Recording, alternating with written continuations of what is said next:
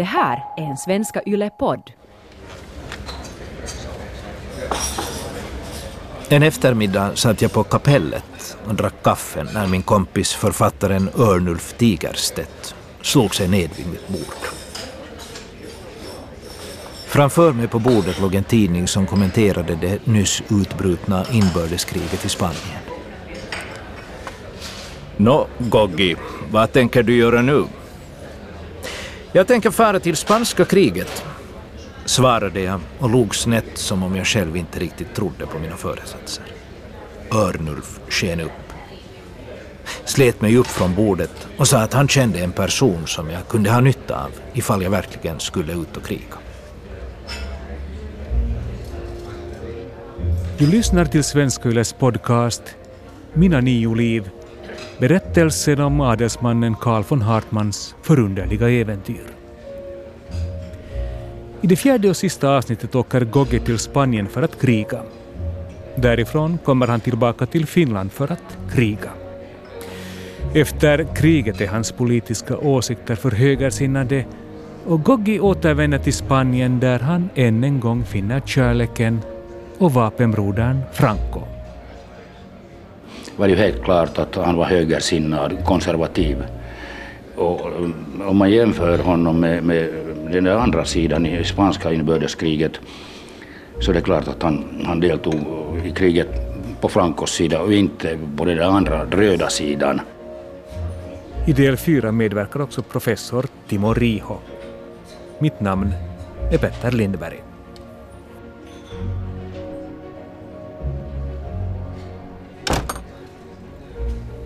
Det här är Goggi von Hartman. Han ämnar åka till Spanien och kriga, sa Örnulf innan vi ens hunnit sätta oss i varsin fåtölj på Söderströms förlag.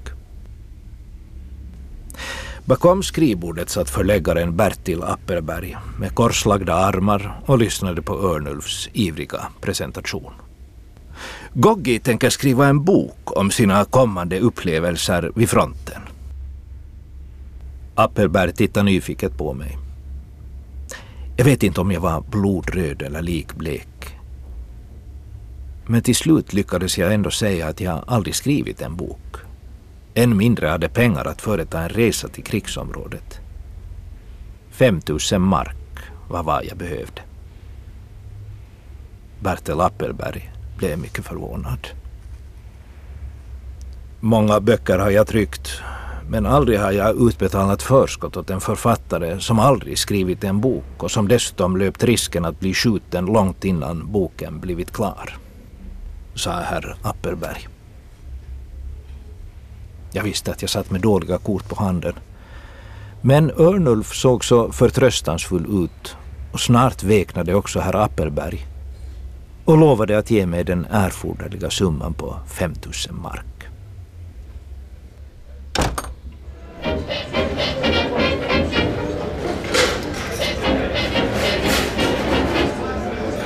Den lyckade förhandlingsrundan firade vi med en middag på restaurang Alcazar. Varpå jag skyndade hem för att meddela min svärmor och min dotter Kristina att jag skulle dra ut i krig ända bort till Spanien. När han fick höra av spanska inbördeskriget och när han var en soldat, en militär, en officerare, så tänkte han att nu har jag där en chans en, en officerare utan, utan arbete. Och det var därför han kom tillbaka till Finland och talade bara med några eh, släktmedlemmar av, av sin projekt. Hade lunch med Mannerheim och Mannerheim gav honom tillstånd, tillstånd att åka till Spanien.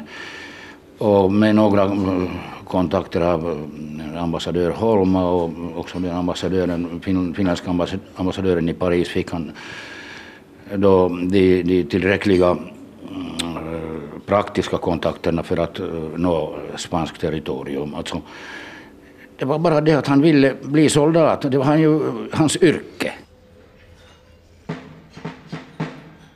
Följande dag köpte jag biljetter till Andey i Sydfrankrike och ännu samma eftermiddag tog jag ett tårfyllt avsked av Kristina. Hennes mamma befann sig på ett sanatorium i Schweiz och nu skulle hennes pappa också åka.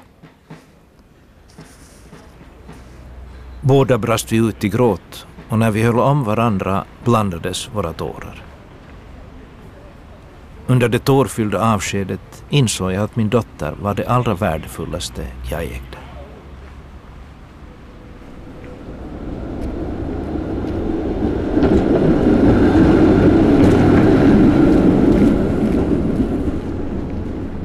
När jag lovat att snart vara tillbaka åkte jag till Hesperiagatan för att hämta mina kappsäckar. Några kostymer och persedlar som kunde fungera i fält. Nu var jag äntligen klar att ansluta mig till Francos armé.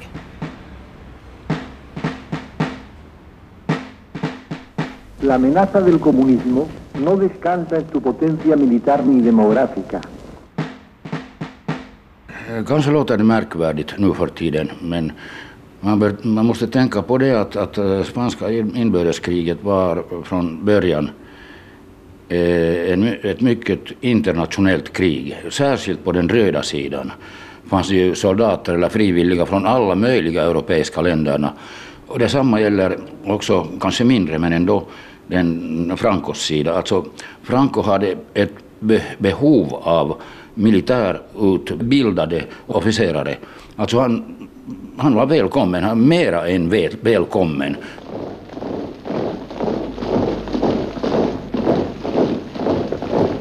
Med hjälp av tolk och ett ivrigt gestikulerande gjorde jag mig förstådd. Och efter några månaders träning ansågs mitt manskap vara klart för sin första strid.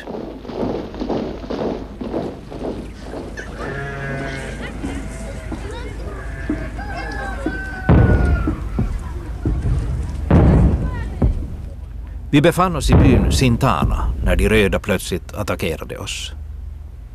Vi lyckades avvärja attacken och dessutom driva angriparna på flykten i närheten av byn Espinosa de los Monteros. Men hotet var inte avvärjt. För några dagar senare anföll rödingarna oss på nytt. Häftiga strider utkämpades. Men än en gång utgick mina tappra män som segrare.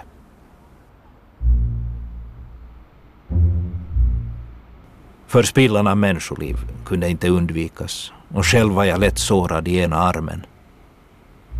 Jag fördes till ett sjukhus i Burgos och tack vare god läkarvård och god omvårdnad av den bedårande sjuksköterskan Labelle Marianne var jag fort återställd och kunde vid årsskiftet återträda i tjänst.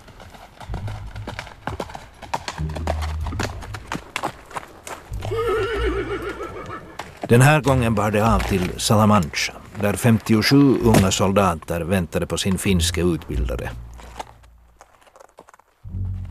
Jag skulle snabbutbilda dem till underofficerare och efter en intensiv månad ansågs de klara för krig och dimitterades i falangistchefen Edias närvaro.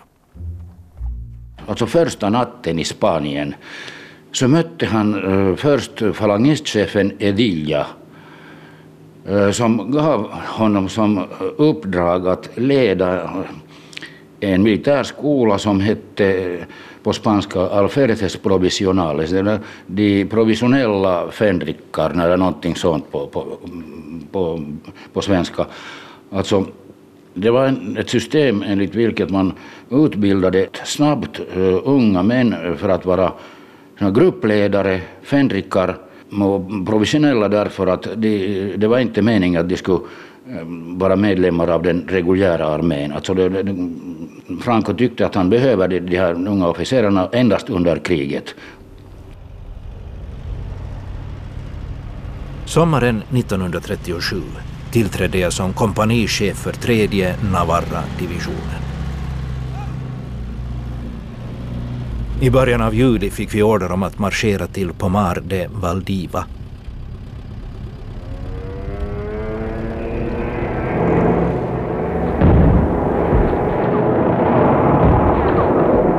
Några veckor senare bröt helvetet lös när de röda anföll oss med fem bombplan och sju lätta jagare.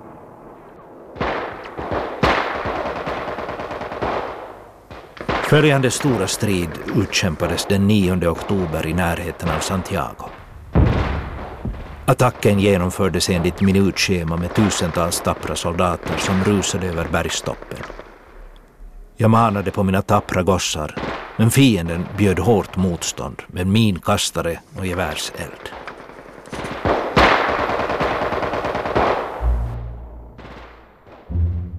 Plötsligt kände jag hur min vänstra fot gav vika och sand och grus regnade över mig. Genom ett under hade jag igen överlevt. Artilleriprojektilen hade kreverat i min närhet, men endast sårat mig i benet. Skadan var ändå allvarlig och jag lades på bår för vidare transport till Santander. Två gånger skälpte båren och omvårdnaden fördröjdes av väder och uteblivna ambulanser. Svårt medtagen, feberyr och arg väntade jag på omplåstring. Men det skulle dröja nästan ett dygn innan jag fick efterlängtad vård i Santander och senare på militärlasarettet i Burgos. Men lugnet var endast skenbart. Francos trupper hade visserligen nått Medelhavet, men fortfarande återstod flera blodiga drabbningar. Den gode guden höll sin vakande hand över mig när vi stormade byn San Vicente. På kvällen begravde vi våra stupade kamrater i en massgrav. Inga blommor. Endast prästens korta tal följde de unga männen in i evigheten. Tyst stod jag vid den stora gropen och undrade om jag skulle slå de döda följe eller någon dag få återvända till Finland och återse min kära dotter Kristina.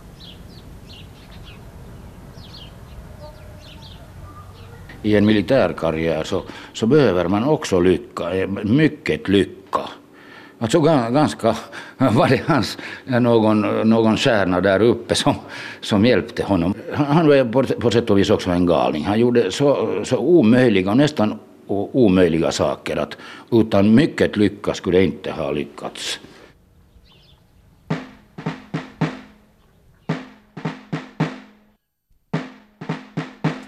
När vi återigen drog ut i krig började en ny epok för mig. Jag fick överta befälet för en bataljon och kände mig både hedrad och stolt.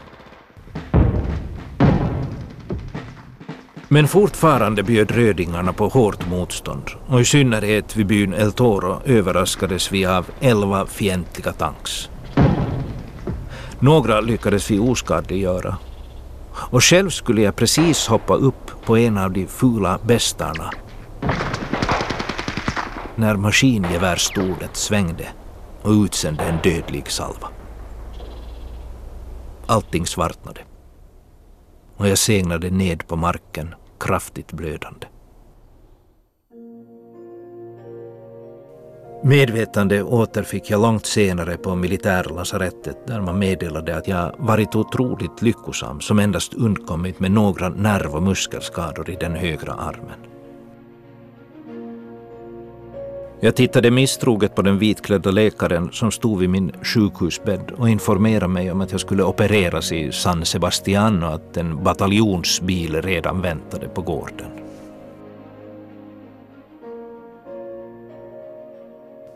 Mer död än levande anlände jag till San Sebastian där morfinsprutor och Labella Marianne skänkte mig lindring innan jag slutligen landade på operationsbordet.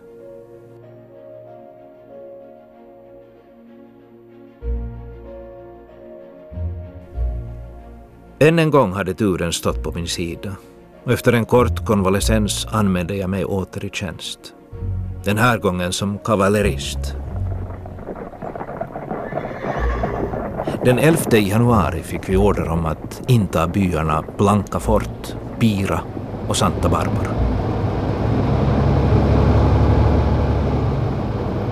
Jag red i spetsen för de små italienska tanksen och kände mig som en gud Men när jag skulle återförena mig med min egen trupp blev jag hejdad av två ryska pansarvagnar, beskjuten av mina egna så att hästkraken dog och jag med en hård duns föll till marken.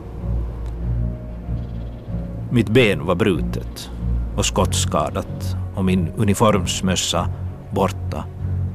Och till råga på allt blev jag tillfångatagen av åtta tillströmmande soldater som vägrade tro på att jag tillhörde de egna. Situationen underlättades inte av att jag i adjutantväskan hade ett hemligt dokument som jag dagen innan tagit av en röd officer. Nu var goda råd dyra. För soldaterna planerade en snabb arkebusering av den infångade soldaten.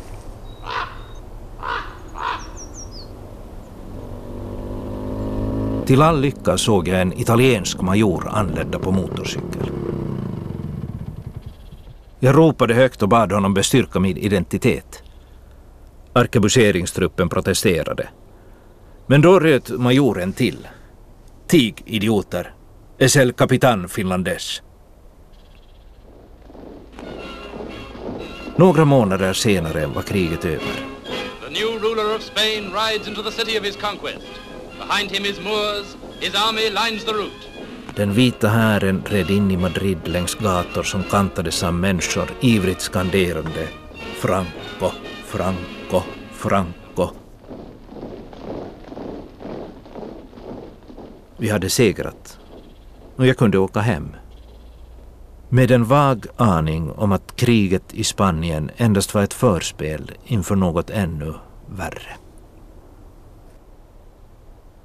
Det var ju Francos armé som vann inbördeskriget så det var på, grund av det han blev ett, slags hjälte. Det fanns, det fanns många andra också med en högre militär eh, rang men han var en bra soldat på den mellersta nivån. Han var ingen, inte general eller överste. Det var inte som han, han som planerade det här kriget men han deltog aktivt och vann många slag.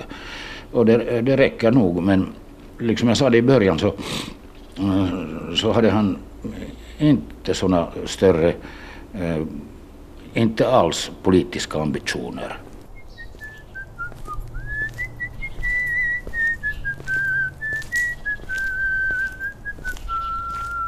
När jag via Lissabon och Trondheim äntligen nådde Finland i mitten av november år 1939 dröjde det bara en dryg vecka innan jag åter skulle vara inblandad i ett krig. Kriget verkar följa mig hack i häl. Jag skyndade mig till Helsingfors, anmälde mig hos ökvarteret och blev kort därefter kommenderad till Kollanjoki. Där anförtroddes jag posten som kommendör för andra bataljonen. Efter det var jag också stationerad i Hangö och i Lappland för att i slutet av kriget återvända till Madrid. den här gången som militärattaché.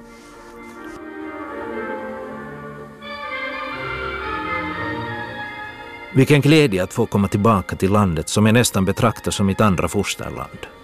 Jobbet var enkelt, men delikat.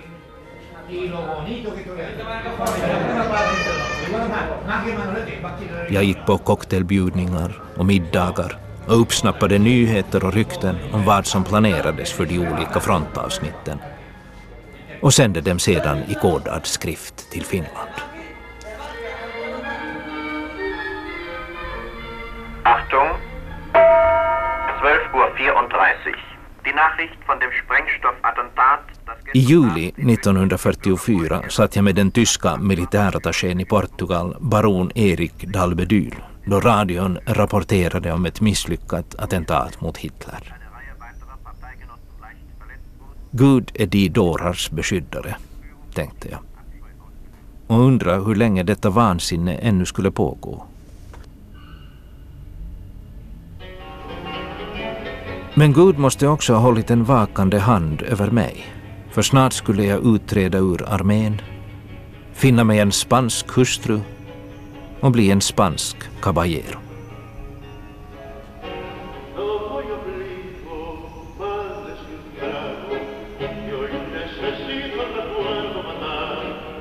efter kriget när man måste upprätthålla goda relationer med Sovjetunionen och när man visste att han var mycket högersinnad, vän till Franco, så var det inte lämpligt för finsk, finska, finländska armén att han skulle vara en högofficerare där. Så därför blev han återsparkad av armén på, på, andra gången. Och sen åkte han till Spanien och under, under efterkrigstiden så ville man ingenting veta av de här herrarna.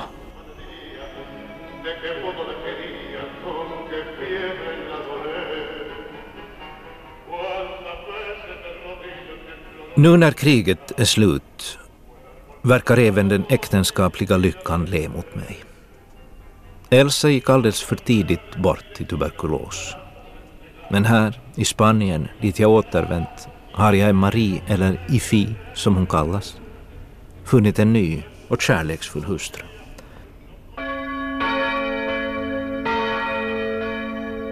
Grevinnan Marie Eugenie Sichi Palavicini svarade ja på mitt frieri. Och jag behöver knappast poängtera hur lyckliga vi är tillsammans. Visst händer det att jag saknar militärlivet. Men efter att jag på grund av mina högersinnade åsikter och min aktning för Franco tvingades söka avsked har jag en gång för alla bestämt att det för min del får vara nog krigat. Duger jag inte åt den finska armén som ledare och utbildare kan jag väl lika väl slå mig ner i Spanien tillsammans med min IFI och bli affärsman istället. Jag började genast sondera terrängen. Kontaktade handelsministeriet och finska företag som kunde tänkas vara intresserade av att sälja sina varor åt sydeuropeerna. Till en början var det svårt.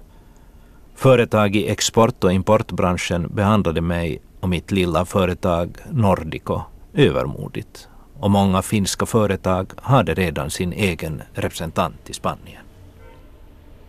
Jag tror att eh, von Hartman själv berättar om de här sakerna i sina memoarer. Att, att Finland hade några svårigheter för att eh, importera papper och, och trä till Spanien. Eh, Spanien hade ju aduana aduanatull och sen var det några affärsmän i, i, i Finland som visste att, att von Hartman hade en direktkontakt med Franco. Och de bad eh, von Hartman att ringa till Franco. Det gjorde det. Det också låter ganska märkvärdigt men, men Franco kallade ju von Hartman mi, mi kapitan finlandes, min finländsk kapten. Och von Hartman ringde till Franco och det sägs att äh, det här samtalet hjälpte fin, fin, finländska industrin att börja importera papper och trä till Spanien. Jag författade ett officiellt brev till den spanska handelsministern men gång på gång kom breven i retur med avslag. Då bestämde jag mig för att vända mig direkt till statschefen, general Franco, som kanske skulle komma ihåg sin tappre finske krigare. Bara några dagar senare låg ett brev i min postlåda. General Franco hade gått med på att bevilja mig audiens. I samma brev informerades jag också om att det vore önskvärt att herr Hartman infann sig till träffen iklädd uniform.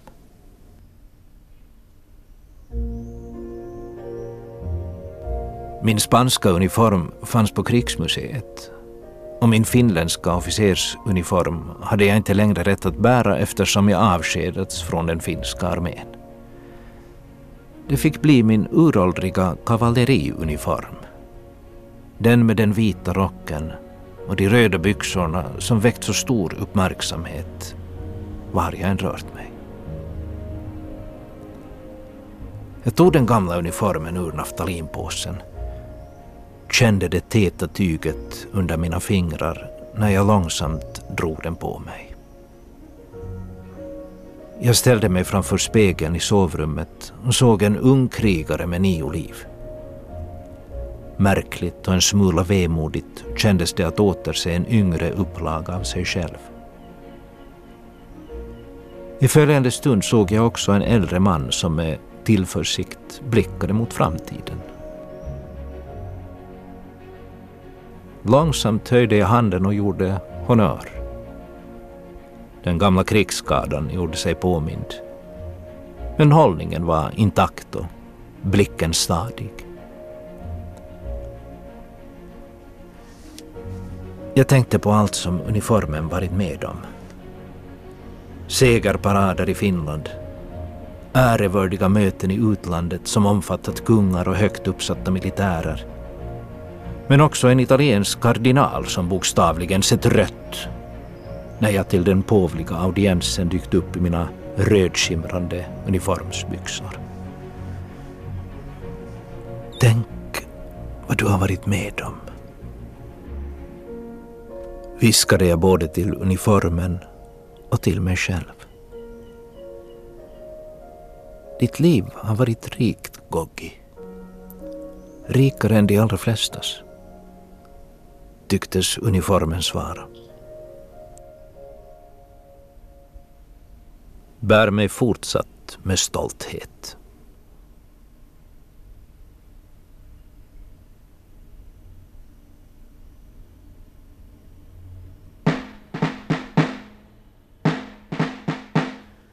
Efter andra världskriget etablerade sig Carl von Hartmann som affärsman i Spanien och förmedlade bland annat frukt till Finland och trävaror och cellulosa till Spanien. Han konverterade till katolicismen, blev malteserriddare och flyttade till Solkusten där han i slutet av 50-talet startade en framgångsrik trädgårdshandel i närheten av Malaga.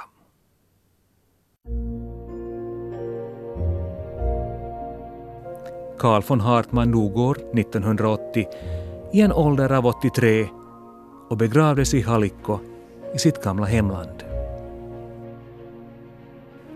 Nu hade han definitivt förbrukat sina nio liv.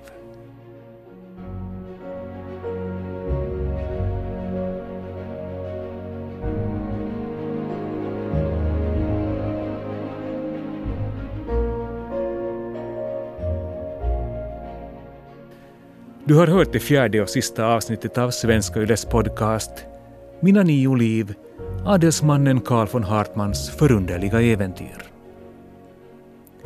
Som Karl Goggi von Hartman hörde vi skådespelaren Joakim Vigelius.